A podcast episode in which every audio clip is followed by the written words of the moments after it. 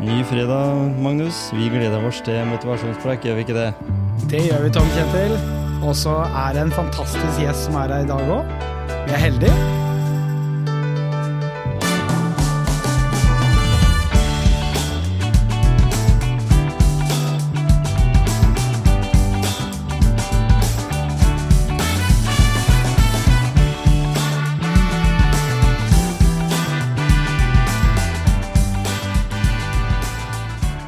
Da sitter vi her på Deichmanske bibliotek. Alle reiser nedover i eh, sentrum nå til det nye, flotte biblioteket der nede. Men det fins også et gammelt bibliotek med skikkelig bibliotekakustikk. Velkommen til motivasjonspreik, Kristian Strand. Ja, tusen takk.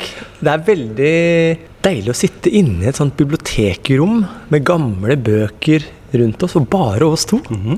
Jeg kjente det lukta litt sånn kaffe slash røyk Ja, kanel ja, ja, av disse bøkene. Jeg tenker at her må det ha skjedd noen store tanker, Ja. tenker jeg. En eller annen gang. Og ikke minst i de bøkene som er rundt oss. Ja, så det er absolutt. Ja, Det var veldig hyggelig at du kunne stille opp her på en fredag. ja veldig hyggelig å bli spurt. Ja. Ja. Og jeg er veldig nysgjerrig på hvem er Kristian, da. Det er, alle kan jo gå inn på nett og lese om at du starta i Kykelikokos på barne-TV. Og mm. jeg husker jeg hadde jo små barn i den tida der, så jeg husker de var veldig var et populært program. Ja. Uh, Lillys butikk. Ja. Så det hadde en del sånne roller. Og så plutselig så sa det bang, så ble du piccolo i Hotell Cæsar. Ja. Norges, eller kanskje en av verdens mest populære såpeoperaer. Ja, det, er, det, det må jo ha vært det. Altså, vi, ja, vi hadde jo 820 000 seere på en vanlig tirsdag. Ikke sant? Så det er vel kun India og Bollywood kanskje som slår oss på det der. Alle ser jo det at du opprinnelig ikke er eh, norsk. Men, Mhm. eller, altså, du er jo norsk, Ja. men altså, du er jo født i et annet land enn Norge. Ja, Indonesia. Ja. Så jeg ble adoptert da jeg var tre måneder gammel. Mm. Eh, fra mamma og pappa, som er fra eh, Oslo, da. Mm. Eh, og så ble jeg tatt med da til Norge som tre måneder gammel fra et barnehjem i en by som heter Surabaya. Mm. Og vokste opp på Sigrud, da, to mil utenfor Oslo. Ja. Eh, midt inne i skogen. Ikke sant? Så langt fra ja, palmer og, og, og sånn i Indonesia. Eh, men eh, jeg har jo på en måte Jeg pleier å si at jeg er veldig fornøyd med det valget. Mm. Eh, mange spør meg ofte om ah, hvordan er det å være adoptert, eller hvordan er det å vokse opp i en annen familie enn den som kanskje er din biologiske. Så, så må jeg bare si at jeg, jeg føler at jeg har trukket et vinnerlodd. Ja. Eh, har kommet hit, har fått muligheten til å leve ut mine drømmer. Eh, har klart å lykkes med det jeg har satt meg som mål. Mhm. Har to foreldre, eller nå er jeg bare pappa igjen, da, men foreldre som har backet meg og støttet meg på alt jeg har ønsket. Um, og egentlig litt før den CV-en du nevnte her, da, Ja. så uh, da jeg var tolv, så ble jeg jo programleder i Smørøyet. Mm. Så var det aller første jeg gjorde. Ikke da var jeg tolv år, gikk på, i syvende klasse på ungdomsskolen på Siggerud. Mm.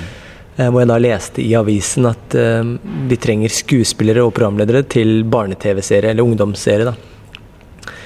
Og da sa jeg jo da til mamma og pappa at tenk hvor kult det hadde vært å jobbe inni den TV-en der. Mhm.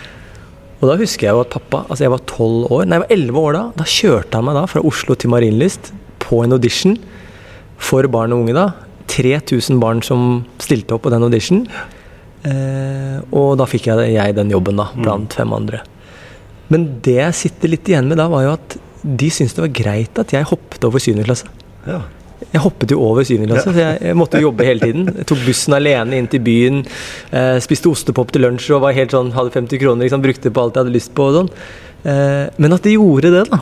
At de tenkte at dette er noe han har så lyst til, så vi skal backe han opp på det, da. Mm. Eh, og nå har jeg selv to små barn, syv og åtte år, to gutter. Og da har jeg tenkt litt på akkurat det. Eh, hvis gutta mine nå vil si ja, vet du hva, jeg har veldig lyst til å bli YouTuber, jeg. Og bare satse på det fra et hold. Vil jeg gjort det samme? Ja.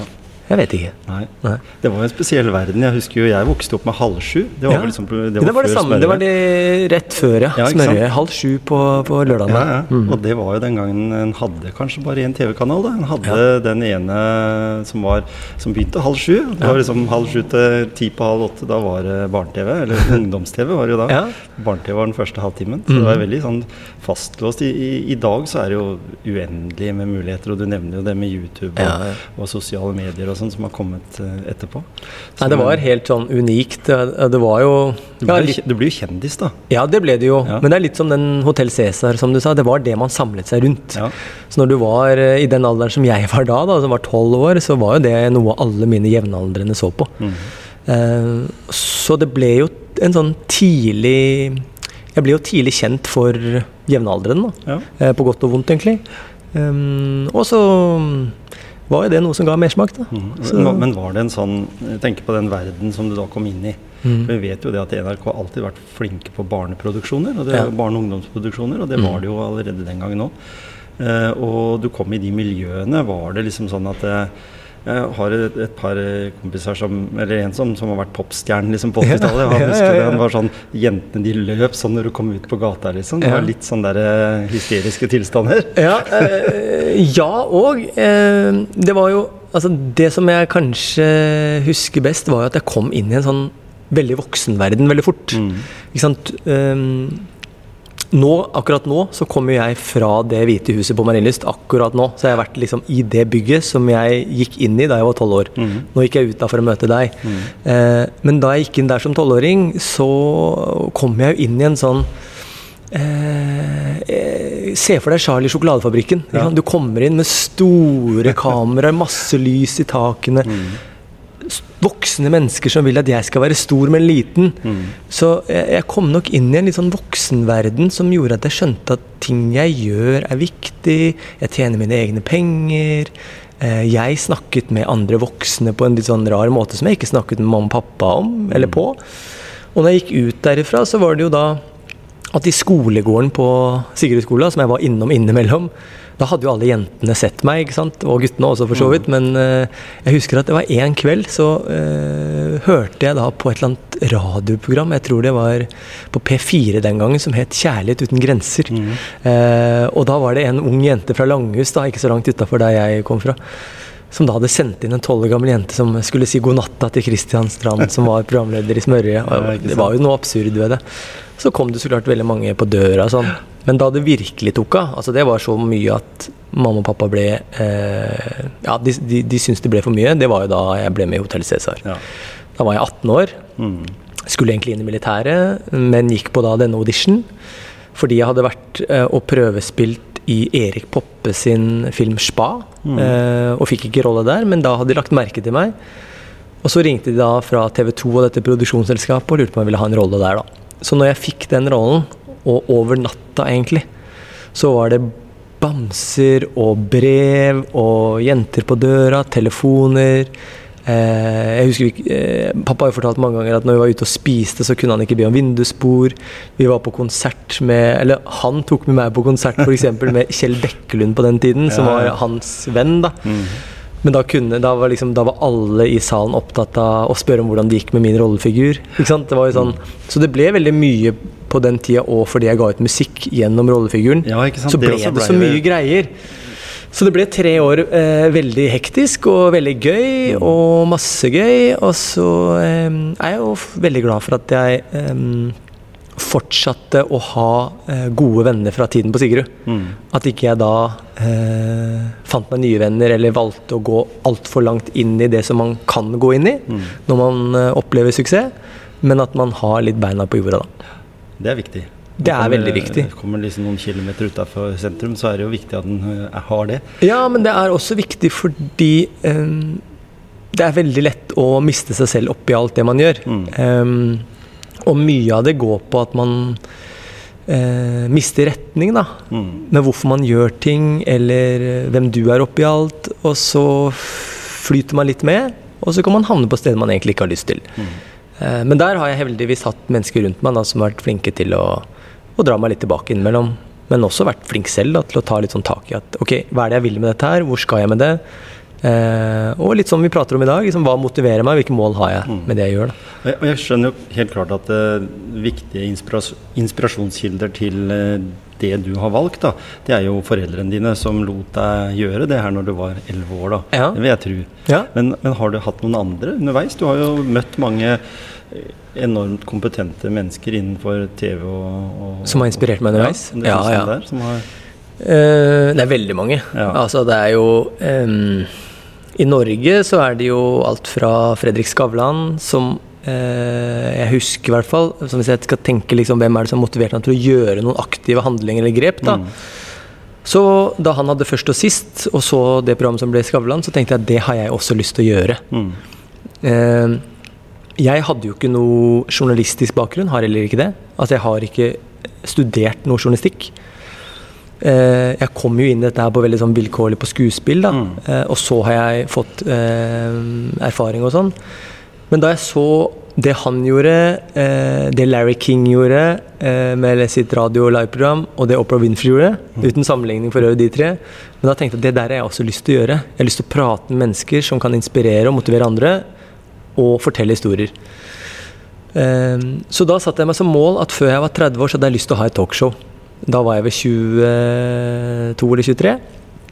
Og hvordan i all verden skal jeg få til det eh, når jeg ikke har noen journalistisk bakgrunn, eller ja, noe som kanskje de hadde, da. Så da tok jeg meg et år og dro til USA. Jeg, tok, jeg hadde jo begynt å studere økonomi, så jeg tok et utvekslingsår med Handelshøyskolen BI i Washington State, altså eh, rundt Seattle.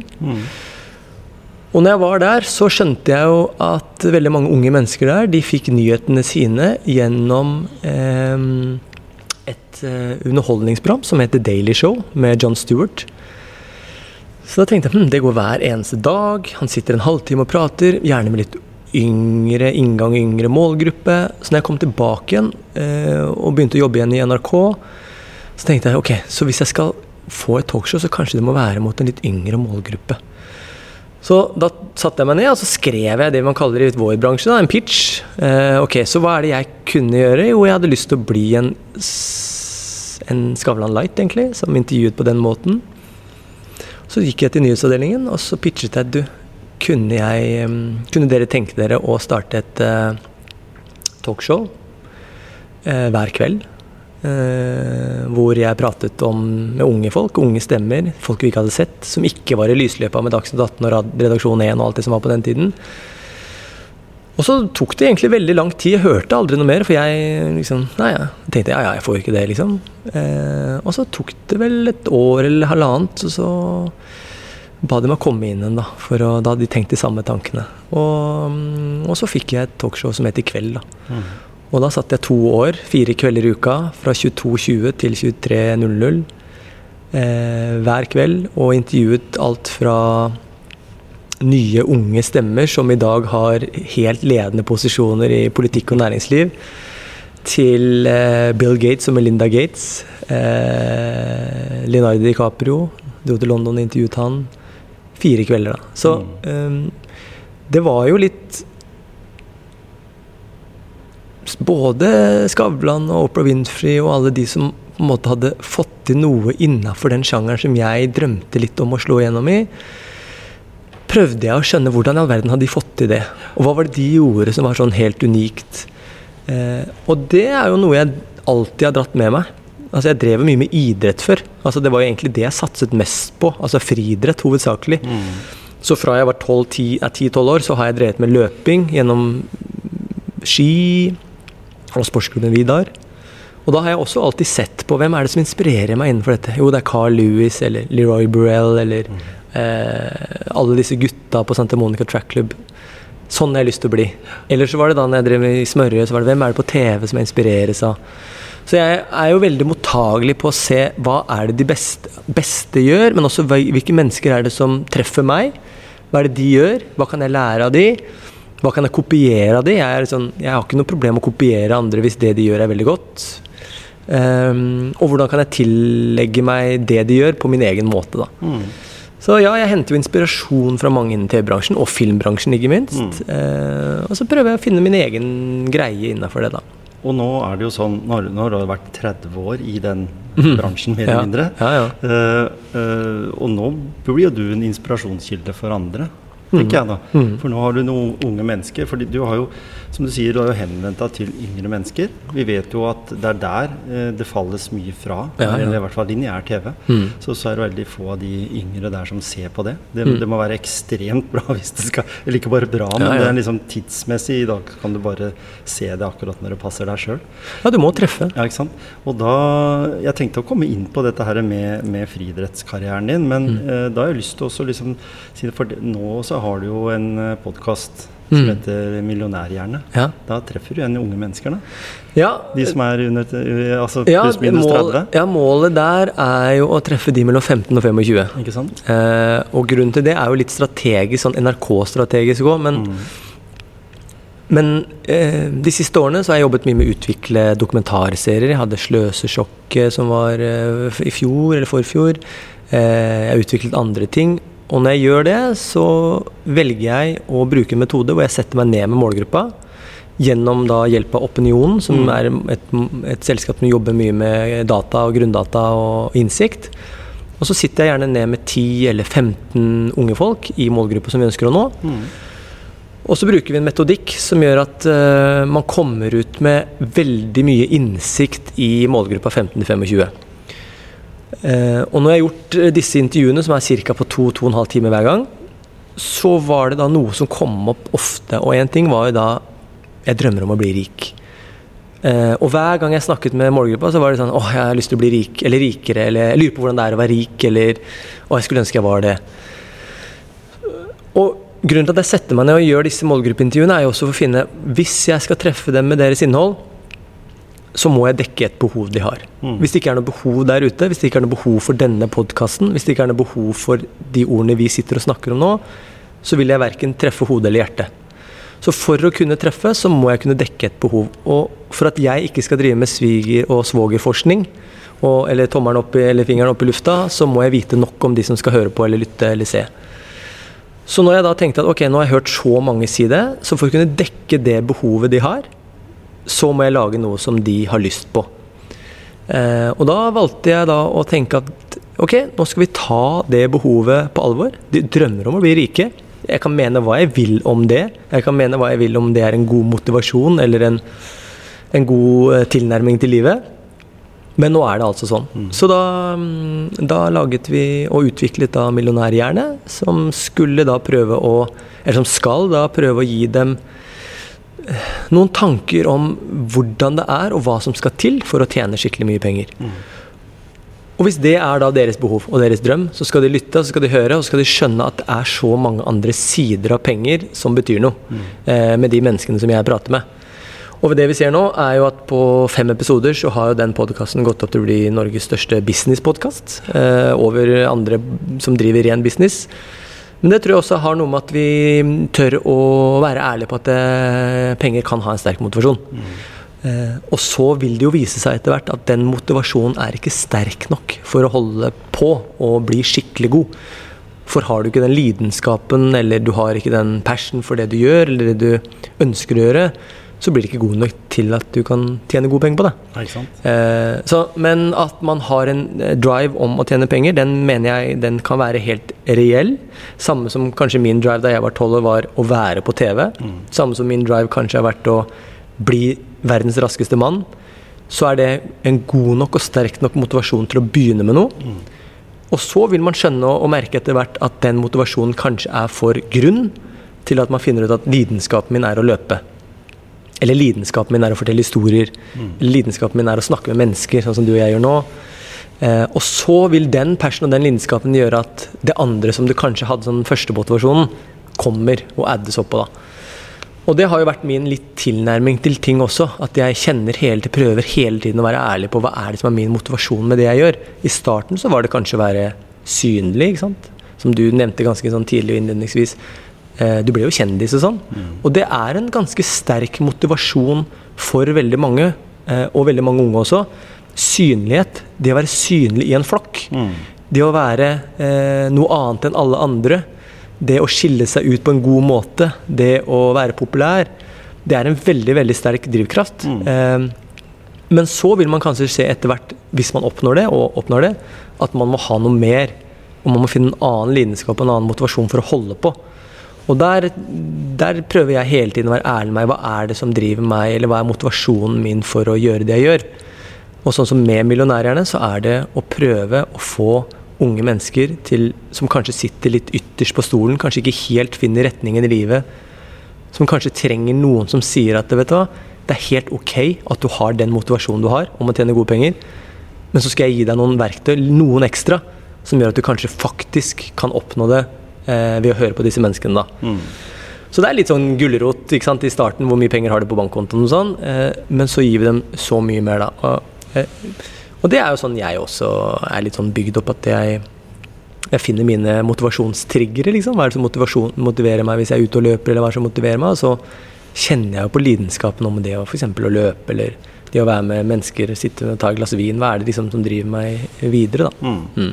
Og, når du er inne på det der med å være aktiv da, og drive med friidrett f.eks., hvis Ja. du spoler tilbake igjen til, til den tida som du, som du drev aktivt med friidrett, så hadde du vel en ganske god tid på 100 meter. 11,28 så vidt jeg greide å finne ut. Ja.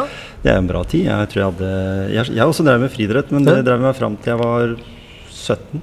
Ja. 17 år, for da var fotball som tok over. liksom. Ja? Jeg, jeg, jeg likte den der garderobekulturen. ja. Den hadde vi ikke så mye av i idrett. Nei. Nei det, det blir jo litt liksom individuell idrett. Det er litt annerledes. Mm. Men selv om jeg var i en klubb som heter Hercules, som var ganske bra på den tida, da, som vi løp Slottsstafetten, Holmenkollstafetten, disse her, eh, viktige stafettene jeg er Ja, i. Oslo. Jeg husker jo Hercules-klubben. Ja, ja. Ja, ja. Jeg løp inn på, har løpt inn på Bislett en gang, jeg, Ja, da, som nest siste etappe Stort. i den stafetten. Ja, det er gøy. Så det var veldig stort. Og da så mennesker, selv om ikke det var fullt, så var det ganske s- bra. Jeg husker jo enda når jeg snakker om det, så kjenner jeg den sitringa i følelsen. Og du husker sikkert det løpet du hadde på 11.28? Ja, ja, jeg husker veldig mange løp. Eh, jeg husker, og jeg husker godt da jeg var 18, hvor jeg ble Norge, eh, ungdomsmester, altså norgesmester for 18-åringer, Mm. på 60 meter innendørs i Askimhallen Ja, ja. eh, utenfor Oslo. da. Eh, hvor jeg husker jo liksom hele den derre Jeg husker hvordan det var å stå på starten. Jeg husker nervøsiteten. Jeg husker jeg hadde forberedt meg veldig godt. Mm. Jeg husker at jeg visste at jeg måtte ta de første 30 meterne raskest, fordi han som var ved siden av meg, det var en svenske, da. Ja. Han var veldig god på slutten. Så jeg husker hele, jeg husker at mamma og pappa satt på tribune på høyresida. Mm. Og så løper jeg, og jeg bare jeg husker at alle stegene fungerte kjempegodt. Og når jeg da kaster meg over da, eh, linja på 60-meteren, så skjønte jeg da at jeg var først. Og så så jeg da 7,17, som da var det raskeste jeg løp på 60 meter, sto nede. Og jeg, det da hadde jo kvalifisert meg til ungdoms-OL i Portugal. Så det var eh, ikke sant? Du, du husker jo veldig mange gode av Ja, ja. de tingene, men samtidig husker du mange av de tingene som du, du de løpene som ikke funka så godt òg. Så Mm. jeg prøver liksom å huske både opptur og nedtur og, og sånn, da. Men ja, man for- husker jo ekstra godt de Det gjør det. Gode Og ting. og jeg husker jo spesielt altså, Det var ikke det var sånn kretsmesterskap. Det var en, veldig bra, å være med, for da fikk du sånn gull, sølv eller bronsemedalje. ja. Så sånn Telemark F Jeg mener det var sånn TFIK eller noe sånt. Telemark. Og det var stort vet du, å få. Jeg husker jeg var på et stevne på Notodden en gang og løp. Og da var det en eh, som var i samme alder som meg. Han, jeg er 67-modell. Mm. Eh, Stig Kleven het han. og Han begynte med bryting etterpå. Okay. Eh, Dreiv sikkert med bryting da òg, men han ble jo norgesmester flere ganger. Men han var liksom den jeg slo i åpningsheatet. ja, Og så taper jeg over han da, får jeg sølvmedalje på 100 meter. Og taper over han i finalen. Da hadde jeg så vondt i akilles, og da etter det har jeg tenkt at jeg hadde sikkert gærne piggsko eller hva det Mm. var, men, men da tenker jeg liksom den smerten det hadde å si at jeg ikke fikk det gullet. Ja. Bare den der som jeg Altså, du greide ikke Det gjorde så vondt at du greide ikke å bite det i deg. Og jeg var jo som sagt 16-17 år gammel, så jeg var jo kunne sikkert fått noe smertestillende og det ene med det andre, men sånn funka det ikke den gangen. På, det, på den, den Nei, tida. gjorde jo ikke det. Så, så det var bare sånn å ha vondt. Og da, gå i det, stå i det. Og da tenker jeg på de idrettsutøverne som Det er liksom snakk om disse her små hundredelene. Jeg husker jeg leverte var i en sportsbransjen og solgte løpesko. Mm. Og da var det en, eh, en sprinter i Telemark da, som var ganske bra som nasjonalt sett. Han eh, ville ikke ha Puma. Nei. For det var det friidrettslandslaget hadde. Ja, ja, ja. Eh, Puma. Han ville ha Nike. Ja. Alle de store sprinterne ute i verden, de løp med Nike. Geir Moen hadde Puma. Ja, ikke sant? Mm. Og det lille der Så husker jeg faren hans, han var jo også kjent fra friidrettsmiljøet. Han sa det at hvis sønnen min mener at jeg kan løpe noen hundredeler raskere bare ved å ha sko som Usain Bolt eller Ja, en av de andre, så skulle han få det. Ja. Det er sånn, og det er litt inne på det som du Ja. sier, det der med å ha forbilder som er eh, litt, det er litt hårete, da. Ja. Fordi de er der ute. Mm. Jeg tenker sånn at ja, ok, kanskje mitt forbilde er Joe Rogan, da, for Ja. på podkast. Han har spilt inn liksom type 2000 episoder eller noe. Best betalte i verden, podcaster. Ja. Men allikevel, når du hører på, på disse her eh, episodene hans, så, Mm. så er det jo egentlig bare hverdagsprat.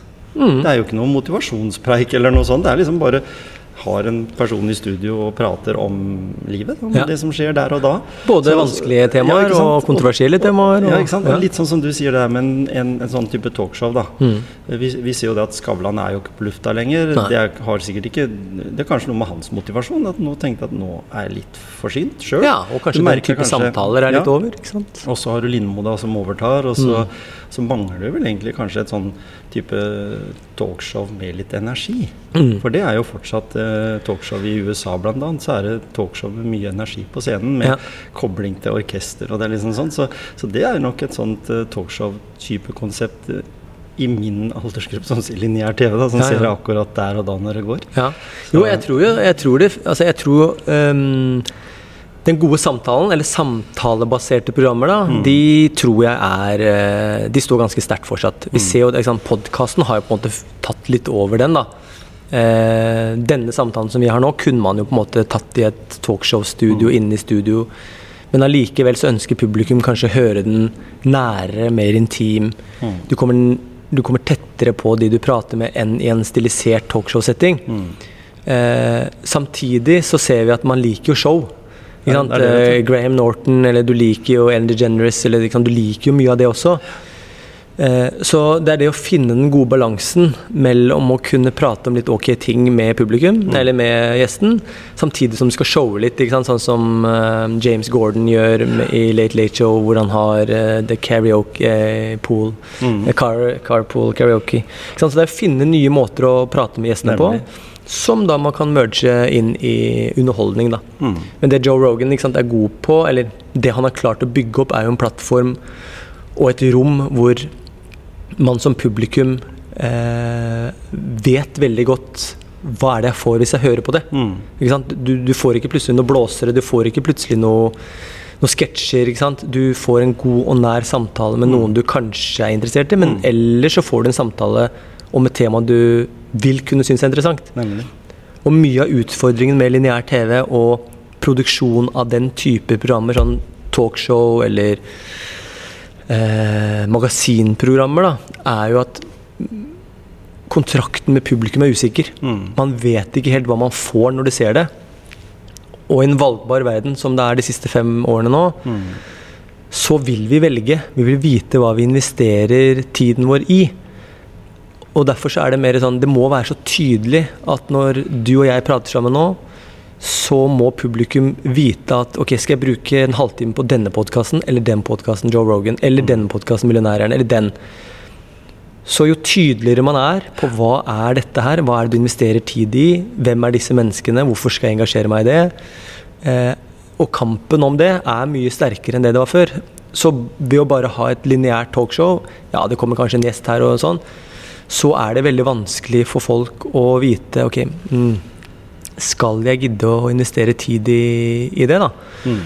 Og det så man jo litt utfordringer med, med Skavlan og Senkveld, ikke sant. Hvor uforutsigbarheten jobbet litt mot dem, da.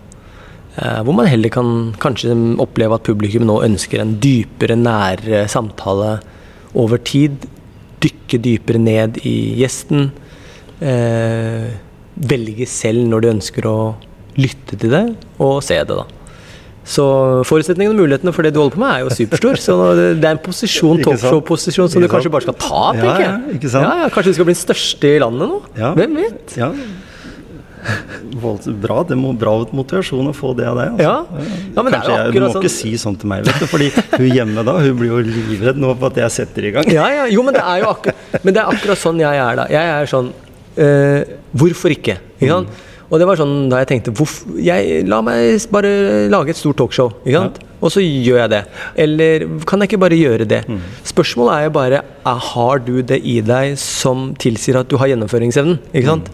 Så er det mange som sier sånn Ja, men det er ikke så vanskelig for deg, for du kan jo gå og spørre noen, så får du det til. Ja, det er pga. at jeg har 20 år erfaring og jobbet meg opp til å kunne gjøre det. Eh, og så, eh, så pleier jeg å si sånn Ok, hvor hårete kan et mål bli? Ikke sant?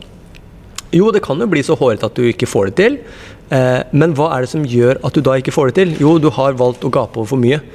Så hvis du tenker da at ok Hvis jeg skulle sagt til deg nå ok, jeg, om to år så skal du få den største motivasjonspodkasten i landet. Større enn Bertrand, større enn alle. Den skal være på TV. Du skal få det på en lineær TV-kanal. Ok. Hvis jeg hadde sagt det til deg, da måtte du så klart du måtte stått på og jobba. Da måtte jeg jobbe. Du måtte jobbe, ingenting og så måtte du tenkt sånn Ok, hvordan i helvete skulle jeg få til det? Og så måtte du begynne å bryte det ned, da. Ikke sant? Istedenfor å gape opp Ok, jeg skal sitte på NRK1 eh, klokka 19.30 på fredag med en motivasjonstalkshow. så måtte du begynne å bryte ned hva gjør jeg i morgen. Ikke sant? Og det er sånn jeg gjør Nå har jeg en ny dokumentarserie som vi driver og jobber ut, som jeg har pitchet mange ganger til NRK. Eh, hvor jeg da må bryte helt ned til liksom, hva er det første steget jeg gjør i morgen for å få det til. Om det er at jeg skriver et manus, begynner å skrive liksom, hva handler dette om. Til at jeg begynner å ta den første telefonen til en case. Til at jeg begynner å gå litt inn i meg selv. Hva er det som skal til for at jeg skal bli god nok for å være programleder av det programmet. Men det jeg ofte merker mm, når folk kommer til meg da, og sier at oh, jeg, skulle, jeg har lyst til å lage en serie om det, jeg har lyst til å lage en podkast om det, jeg har lyst til å lage en TV-serie om det, så merker jeg at de har ikke noe lidenskap for det. Det de har, det er at de kun fokuserer på resultatet. Sitte i det studio, sitte og snakke med den personen. Eh, men de har ikke engasjementet og lidenskapen til å gå prosessen. Og det er det jeg prøver å definere og finne ut først med de menneskene som jeg møter. Har du det i deg? Det som skal til for å få det til? Du velger å komme fra Skien til Oslo, rigge opp, sette opp et portabelt studio. Du vil noe med det du gjør. Du vil snakke med meg, men du vil også prøve å satse på dette her. Det viser for meg at du har en lidenskap for det du driver med, men også en gjennomføringsevne. Og den kjenner jeg meg så godt igjen i. At det er ingenting som kan stoppe meg i å ha håret nok mål, fordi jeg kjenner og vet med meg selv at jeg kan gjennomføre det. Så klart ikke helt alene, men jeg kan få til at hvis du hadde sagt at vi skal nå det målet om to år, vi skal bli Norges største motivasjonspodkast, og du sa vil du være med på det, så ville jeg tenkt først ok, greit, jeg er med, det skal vi få til. Eh, og så ville vil jeg kjent på ok, denne, dette skal vi få til, og min gjennomføringsevne vil klare det. Eh, men der er det mange som ikke liksom kjenner på det nok. De bare ser på resultatet. Og det er jo litt igjen tilbake til millionærhjernen at unge folk ser på TikTok og Snapchat om det å bli rik, men de ser bare resultatet av det å bli rik. Og det er at du kan kaste rundt deg med penger, eller det er at du kan få lov å sitte på en private jet til Dubai og leve der nede. Eh, Men de vet ikke hva som står bak for å få til det. Eh, Og hvis du da hører på Joe Rogan, så vet du også at den arbeidsinnsatsen han har lagt inn for å få til det, er mye større enn at han sitter der. Um, ja. Tenk, men når du er inne på de tinga, da, så, så tenker jeg alltid For for meg da, så var det jo sånn at det ble et sånt veisk- veiskille i 2014-2015 når jeg skrev eh, boka om lystmotto. Mm. Fordi hun hjemme da, hun sa at ja, du jobber jo Jeg jobba jo 100% i jobb, kanskje 150. Ja. Og så holdt jeg på med det bokprosjektet ved siden av. Eh, Jeg har all respekt for alle som skriver bøker og er forfatter, fordi det er jo en sinnssykt jobb. Ja, ja, ja. Bare drive research og bare samle materiale. Ja, ja. Og det var jo det jeg gjorde. Eh, og da skrev jeg boka, ga ut boka på vinteren eller før jul. Og så den sommeren, eller våren-sommeren, så sier jeg til Kjersti hjemme at eh, nå har jeg lyst til å fullføre den boka. Fullføringa for meg var å besøke alle disse, fordi jeg brukte jo sosiale medier, mail, Mm. telefon, og, og var ikke face to face med alle de i boka. Nei, nei. tenkte jeg, det vil jeg. Ja. Jeg vil treffe de. Ja, jeg vil at de skal få en bok. Mm. Jeg vil at de skal skrive, signere i en bok som jeg hadde. Ja. Som jeg skulle ha alle 100 signaturene. Mm. Ja, ja, men det er jo mye jobb, da. Skal, du jobbe enda mer, liksom? Ja, jeg vil det. For det er liksom for å fullføre det prosjektet. Mm. Så jeg eh, avtalte for en av de personene som jeg hadde som et av de forbildene, eller to. Tre stykker. Det var sånn Jan Erik Vold, Mm. Jahn Teigen eh, og sånn. De var personer som jeg ville ha med i boka. Og Erik Bertrand Larsen og sånn. Mm. Så jeg begynte jo å samle. Og det var, tok enda mer tid enn å skrive bok. Ja, ja, ja. Så jeg har sittet sammen med Jahn Teigen sånn som det er. Ja, Ikke med mikrofoner, men sitter og prater om um, motivasjon og livsmotto og sånn med Jahn Teigen nede i Sverige. Jeg. Så fint. Så, og det mot, har motivert meg et, til å på en måte jobbe med det her passion for, Mm. for, for det å, å finne ut av hva mennesker har av, av både lidenskap, men også motivasjon, og hva som egentlig er inspirasjonskilden. Mm. Og du har jo fortalt litt om det, at det bygger seg opp Mm. med mennesker du treffer i det mediet du jobber i, men Ja, også klart. i familie og, og venner og, og sånn. Ja, ja. I, dag, I dag så er det jo 42. Ja, 42, ja, ja, Ja. ja. 80-modell. Ja, ikke sant? Så jeg er 13 år yngre enn meg, Ja. men allikevel. Eh, jeg uh, syns at den eh, praten som vi har nå, er kjempefin, men jeg har lyst til å vite litt om løping. Fordi Mhm. du har laga en sånn TikTok-kanal. Ja. Ja. Eller i hvert fall en TikTok-konto. meg, jeg Ja. kastet meg på TikTok. Og der kan du få høre litt sånne historier om uh, at du er ute og løper. Og løping Mm. betyr noe mer enn bare eh, løpesteg eh, på joggesko oppi Mm. på Sankthanshaugen eller hvor det måtte være du Ja, ja. løper. Frognerpark, Ikke Frogner- sant? Nordmarka. Ja. Hva er det som på en måte er terapien i det der for deg? Og det er så mye. Mm. Uh, En egen episode i Motivasjonspreik, kanskje? ja, det er nesten det, altså. min bransje er jo basert på en del ting, men den er basert på konkurranse. Mm. Det er mye konkurranse i den bransjen jeg driver med. Så jeg opplever det på en måte liksom på kroppen hver dag. Og det betyr også at man hele tiden må være ganske på et høyt nivå, da. Mm. Eh, For å kunne være, fortsette å være en del av, av bransjen, men også være et spydspiss, enten om det er programleder, ikke sant, og det jeg gjør. Så når jeg er ute og løper, så er det mitt frirom. Eh, Og det høres jo litt klisjé ut, men jeg er jo i utgangspunktet en litt sånn overtenker. Og med det så legger jeg i at jeg bruker mye energi på å tenke og problemløse.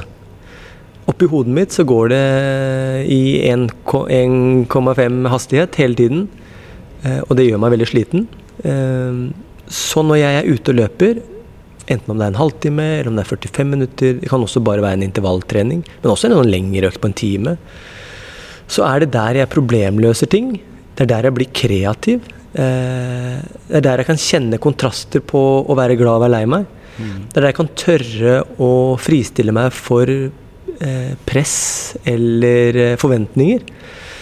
Så når jeg gjør det, når jeg løper, og det gjør jeg nesten hver eneste dag, så er det like mye for å få noe. Enten energi, nye ideer, nye tanker, ny inspirasjon. Mm. Som å trene bein og rygg og mage og, og sånn. Så når jeg starter løpeøkta mi, så, eh, så må jeg alltid ha noe å høre på. Gjerne noe musikk som får meg litt i rett mood. Og så må jeg være innstilt på at denne løpeøkta her som oftest ikke skal være noe jeg skal prestere på. Eh, og med det så legger jeg egentlig i at nesten hver dag på jobb eller nesten hver dag i prosjekter har, så må jeg prestere noe. Og på ganske høyt nivå, fordi det er så mange som forventer at det vi lager sammen skal være bra. Det er et publikum som ønsker at det vi skal være, gjøre, er veldig bra. Mm. Så når jeg løper, så trenger jeg ikke å jobbe mot klokka. Jeg prøver ikke å jobbe mot noe som gjør at jeg får høye skuldre. Men jeg prøver å tenke at det jeg nå skal bruke de 30 minuttene på, skal være et fristed. Og jeg skal slippe meg litt løs, da. Litt, ned, litt nedpå. Og da, det som skjer da, er jo litt sånn Så klart det er jo den derre lø, løpefølelsen og endorfiner og serotonin og alt det deilige som man får ved løpet. Men det er også det at jeg kan eh, se på f.eks. noen vanskelige og de tunge problemstillinger som jeg ikke har helt klart å løse, som har hengt ved meg, som jeg ser på på en helt annen måte. Mm. Eh, som jeg får et bedre eh, overblikk på. Eh, og så kan det være kreative ting som plutselig kommer til meg. Noen får det ved å være i dusjen. Noen får det å sitte i en bil. Jeg får det alltid når jeg er ute og løper. Eh, og da kan enkle ideer komme, eller store konsepter og store formater som er om verden. Så jeg tenker, å, nå skal vi ta verden med det. Eh, som bare gjør at hjernen min og kroppen min åpner seg på en helt annen måte. Og jeg prøver å si det til kona mi at noen får det og sier at de er kreative etter klokka ti på kvelden. Veldig mye kreative folk sier at de må sitte på kvelden eller på natta, og så blir de kreative. Mm. Jeg er helt motsatt. Ja. Jeg kan løpe klokka ni om morgenen, løpe en time, og så har jeg kommet opp med den mest geniale tingen, mener jeg selv. da. Eh, så jeg tror for meg er det eh, det viktigste rommet i, hver, i hverdagen om dagen. Hvor jeg kan tillate meg selv i å ikke ha forventninger til noe jeg gjør.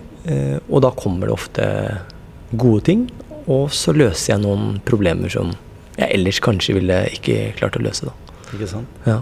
Jeg, jeg tenker på også løping, eller eh, sånn som hun jeg er gift med, da. Hun sier jo det at eh, hvis jeg begynner å komme med noen sånne villfarne ideer, da. For jeg er jo Mm. vant til at det der kommer jo et arsenal av ting Ja, ja. Som, jeg har lyst til både drive med og gjøre. Ja, ja. Så sier jeg tar jeg en treningsøkt, liksom. Så kan du komme tilbake igjen. For når jeg kommer tilbake, så er det et mye mer realistisk syn på hva jeg bør bruke tid på. Mm. Fordi hun er jo veldig sånn eh, Hun mener jo at alle de prosjektene mine er mye tidstyver da, av, tid som jeg kunne brukt mye mer til hagen eller til hus eller til Ja, ja. Alle, alle de tinga der som, som jeg alltid skyver litt på. Jeg har liksom et uh, livsmotto fra bestefaren min. Og det, er liksom det, det jeg ikke kan gjøre i dag, det kan jeg utsette til i morgen. Liksom. Mm. Han var litt sånn. Jeg bare skjøv det foran seg. Ja, og så fikk hun mye kjeft. Og, men det jeg har funnet ut, er veldig kjekt med sånne lister. ja. Ja, du er listefyr? Ja, jeg får Ja. lister. Ja, du får jeg, jeg, jeg behøver ikke Jeg får Ja, lister. du får hva du skal gjøre. Nå skal du gjøre det. Da står det sånn mange ja, ja. punkt nedover, og så sier jeg ja, kan du begynne å stryke litt, da? Ja. For det er min motivasjon til å gjøre de arbeidsoppgavene, fordi det blir færre, færre Ja, ja. Til slutt så er det ingen. Til slutt så er det ingen igjen. Jeg blir aldri ferdig før vinteren eller før snøen kommer på det jeg skal gjøre, men da har jeg i hvert fall gjort en god del. Ja. Og det er liksom om, om jeg har bokstaver eller hva jeg har som gjør at jeg er som jeg er, det, Mm. det, det bryr jeg meg egentlig ikke så mye om. Jeg bare tenker at det, det er min motivasjon uh, i, i det hverdagslige. da. Mm.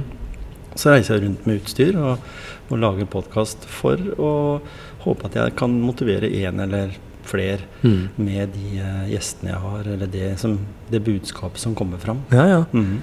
Jeg merker jo det at eh, det å ha lister, da, sånn som du har, eh, det har jo jeg på en måte også. Altså, jeg systematiserer jo ting gjennom en dag. Mm. Eh, og en av de viktigste tingene på den lista for meg, det er å ta meg løpetur. Ja, ikke sant? Ikke sant? Sånn at eh, mm, Jeg får jo ikke så mye lister av kona mi. Hun, hun kjenner meg godt nok til at ja, du kan ikke gi han det. Fordi da, det, det. Jo, jeg ville jo utført det. Men da ville jeg kom, kanskje komme tilbake og sagt du, det, på den lista sto det ikke at jeg fikk lov til å løpe meg en tur, så da, da må jeg få gjort det nå. Men eh, en av de viktigste tingene på den lista er rett og slett å ta den eh, løpeturen også litt fordi jeg er jo omgitt av mye mennesker hele tiden. da. Andre mennesker som krever ting av meg, eller andre mennesker som jeg må levere ting til. Mm. Så den, det frirommet der gir meg veldig mye mer enn løping. Ja. Um, så er det for da er du bare. Christian, liksom? Ja, jeg eh, er bare meg, og samtidig så kan du være glad og sårbar, du kan være sinna og trist. Du har så mye i den timen hvor du kan bare gå og bare Mm. få det litt ut, da.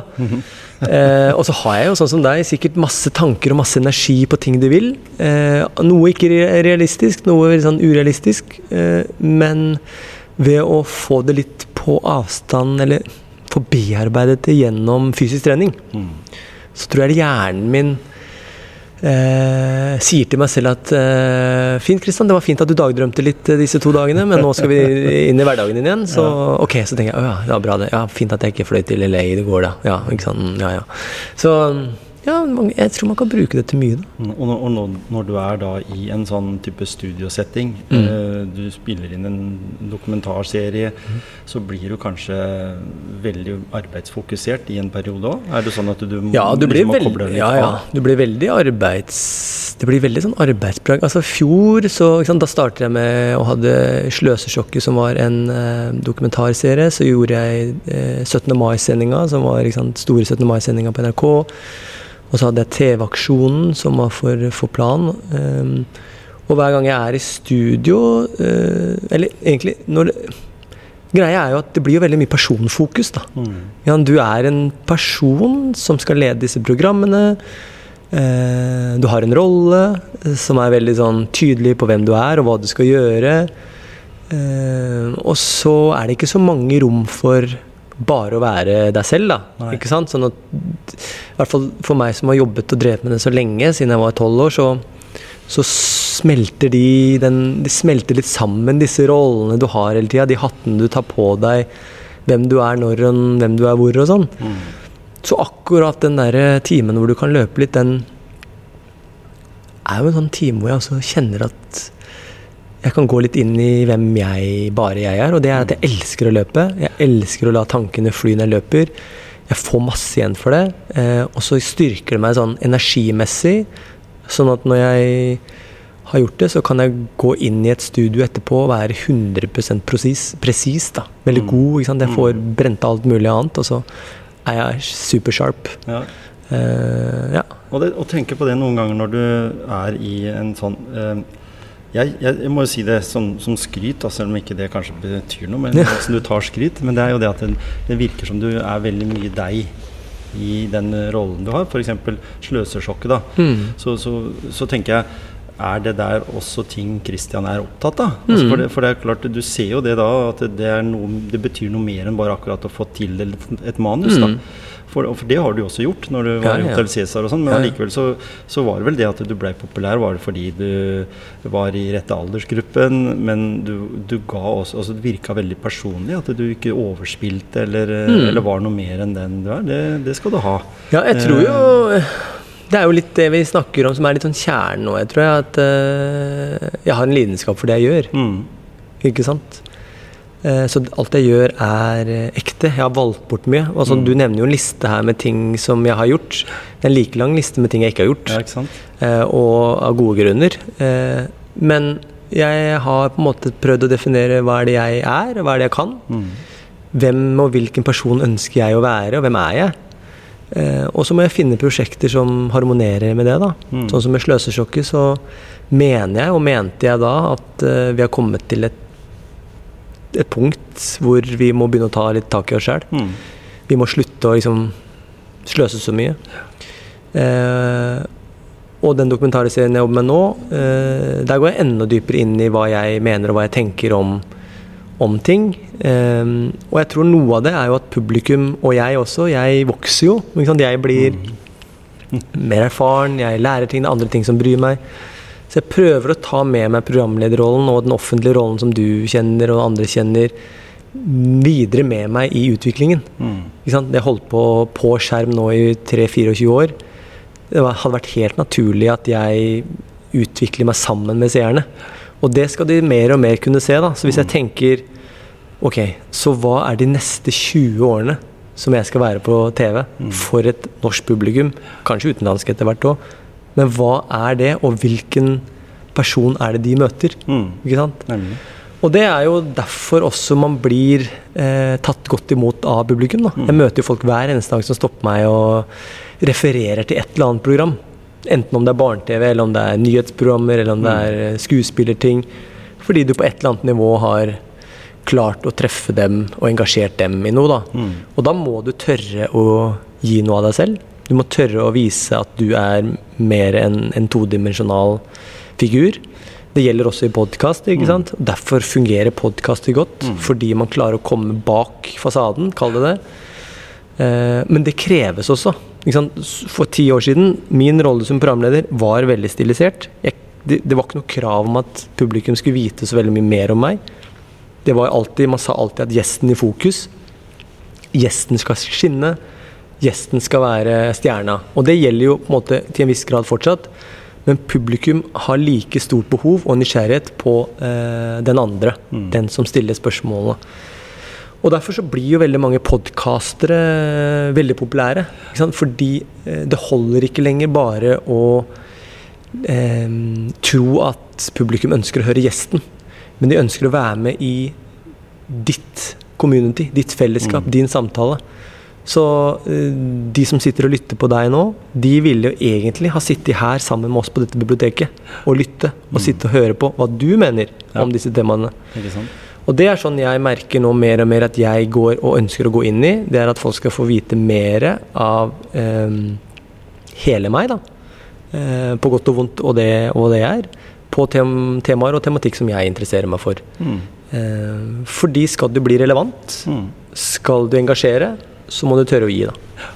Og det, og det er jo litt den, i den retningen som, som, som TV går også, at det bør være litt mer un underlag. Kanskje folk blir litt mer kravstore til å bli kjent med de menneskene. Det ser vi jo i tråd med alle mulige serier i dag. Ja, ja. Eller sånne dokumentarer også, at du blir bedre kjent med Lars Monsen i dag på TV enn det du gjorde for ti år siden. Ja. Men jeg tenker så, så vi ser deg jo da sånn i type I og med at du er med fra du var ung sjøl, fra Mm. du var barn og til du blir eldre. Ja. Så, så da kommer det om 20 år, da, så kommer det en sånn 'Husker du?' med Ja, ja.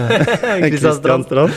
Ja, det gjør det sikkert. Det kommer sånn 'Husker du?' ikke sant? Eller klassefesten, eller ikke sant? Det kommer jo Man blir jo en fyr som folk har et forhold til. Mm. Nå møter jeg jo veldig mange som sier sånn Vet du hva, du, du husker jeg fra barne-TV. Ja. Jenter som er sånn 23-24, gutter som er 23-24 nå. Eh, og jeg har jo gutter i 7-8-årsalderen nå. Mm.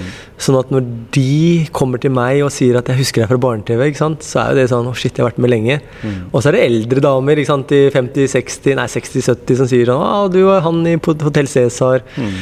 Så jeg har jo mange Jeg har vært med mange generasjoner og mange forskjellige folk. Eh, og vært med for mange forskjellige folk sine liv, da, på Mm. forskjellige plan. Mm. Og det kjenner jeg jo sånn ansvar på, da. Um, og derfor så er det jo mange som sender meg meldinger og, på sosiale medier, så klart, uh, og forteller om sine ting og Mm. ønsker at Ikke sant. Uh, og jeg syns jo det er veldig hyggelig, da. Ja. Ja. Og, det, og det er jo en sånn tid for alle ting. Ja, ja. Noen, blir, noen blir kanskje eh, Hvis ikke en hadde den utviklinga sånn som du har, da, Mm. innenfor, forskjellige, innenfor forskjellige felt, og så, sånn, så går du kanskje litt lettere lei. Du Ja, går i det tror, ene eh, sporet, og så finner du ut at det er ikke noe for meg. Altså, Ja. du, du har jo uh, mye programmer som, typ, som du sier, type Mm. dokumentarer, det er på 17. mai. Ja. Men jeg tenker de som har en talkshow-serie da, som går live, sendes hver eneste dag klokka Ja, ja. mellom det og det tidspunktet, eller sånn, da er det jo mer låst. Ja, det, det er det jo, men altså, jeg hadde ikke hatt noe problem med å sitte eh, tre år nå, Nei. eh, sånn her, og prate med mennesker som jeg bryr meg om, Mm. eller som jeg mener har noe som folk burde høre. Men jeg tror det egentlig handler bare om at du må finne ut av hvorfor de gjør det. Mm. Ikke sant? Du må finne, alltid så prøver jeg å tenke sånn Du må ha en purpose som er litt større enn at du bare liker å sitte der. Mm. Så hvis trangen din er at du ønsker å formidle motivasjon, helt ærlig, så mener du at det er folk som trenger å høre dette her. Mm. Eh, Du har enten kjent det på kroppen selv, eller du kjenner noen som du vet skulle ha hørt dette. Hvis du klarer å være ærlig på hva er det, så kunne jeg godt ha sittet i mange år og pratet om et tema eller en tematikk eller mennesker som, som jeg virkelig syns er interessante. Mm. Men jeg tror at der hvor du til et punkt kommer til at jeg finner ikke helt meningen med det jeg gjør. Og det er det nok mange som sitter og hører på nå, som sitter i en jobb ikke sant? hvor de kanskje ved en tilfeldighet har havnet inn i.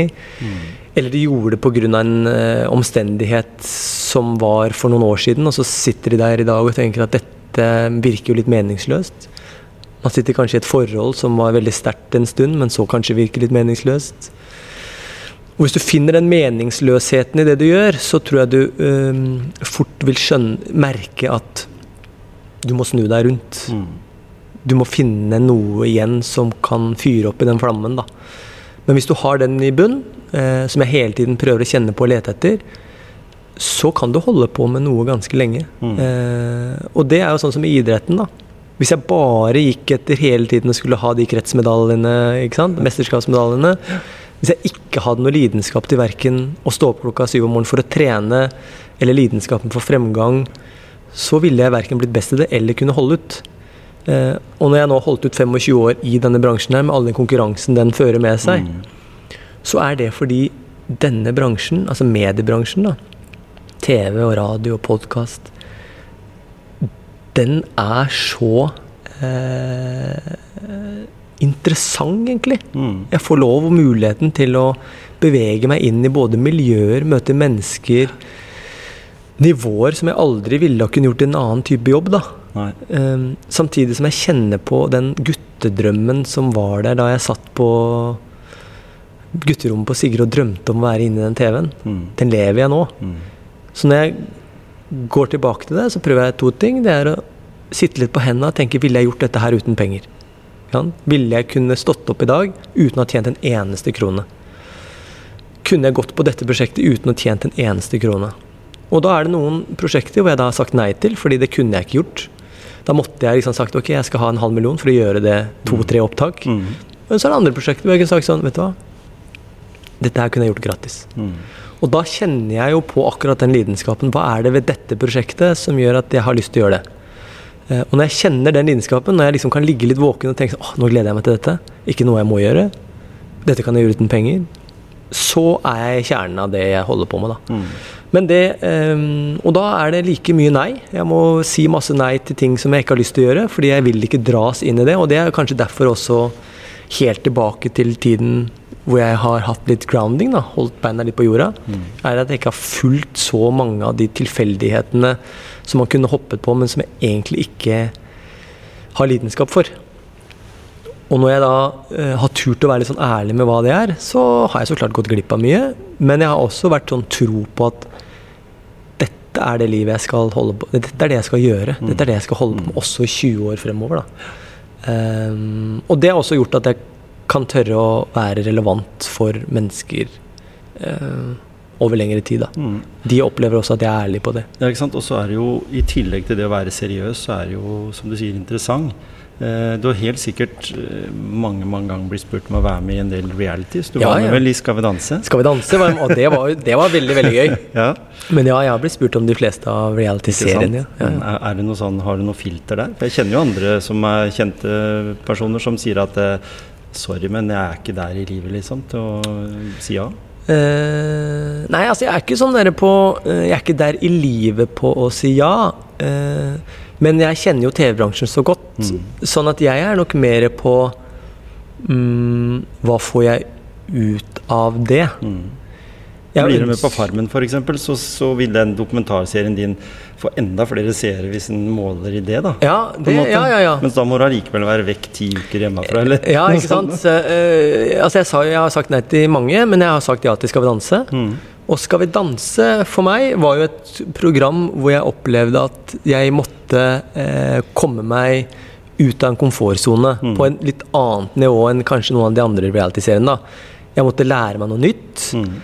Eh, jeg måtte prestere foran et publikum. Eh, jeg måtte by på meg selv. Og grunnen til at Skal vi danse liksom, for meg var jo det en helt sånn eh, fantastisk opplevelse. Fordi det er ikke så ofte at jeg opplever at jeg beveger meg inn i noe som jeg ikke mestrer.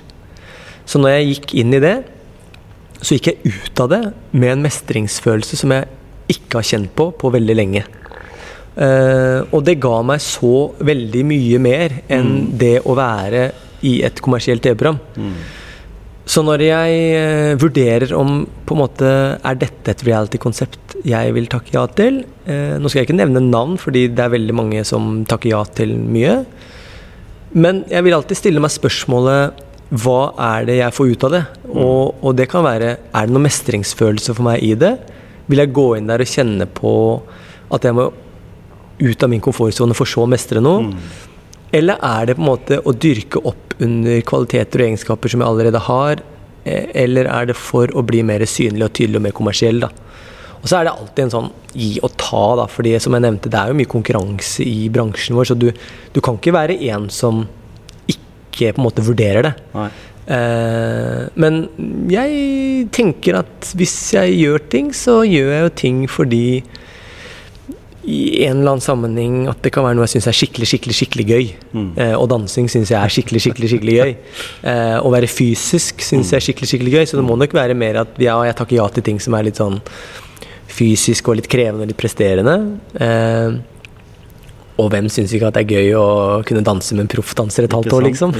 Det var mer sånn for kona mi sin del, som ble sittende igjen med to små gutter eh, alene i fem måneder. Ja. Eh, og helger, eh, som kjente på det. Og det, det må man jo også ta inn i betraktning. Det gjelder jo egentlig alle store prosjekter eh, for folk som velger å gjøre noe som går, som går på bekostning av familien. Mm. Du må alltid ta inn det. Jeg tenker jo alltid på det. Jeg er jo, jeg er jo først og fremst pappa, og så er jeg programleder på TV. Så Så jeg gjør jo ikke noe som går på bekostning av oss fire, da. Nei. Men noen ganger så må vi se ok, er dette bra for oss fire. Ja, det Skal vi danse var liksom en ting som vi, eller jeg, tenkte at her kan jeg være stolt av hvis jeg får det til. Ja, så var det den, Da kunne jo kona ta deg med ut. Så kunne kona mi ta den ut som Ja, ja, ja, var først på dansegulvet? Men jeg er ikke så glad i å danse, vet du.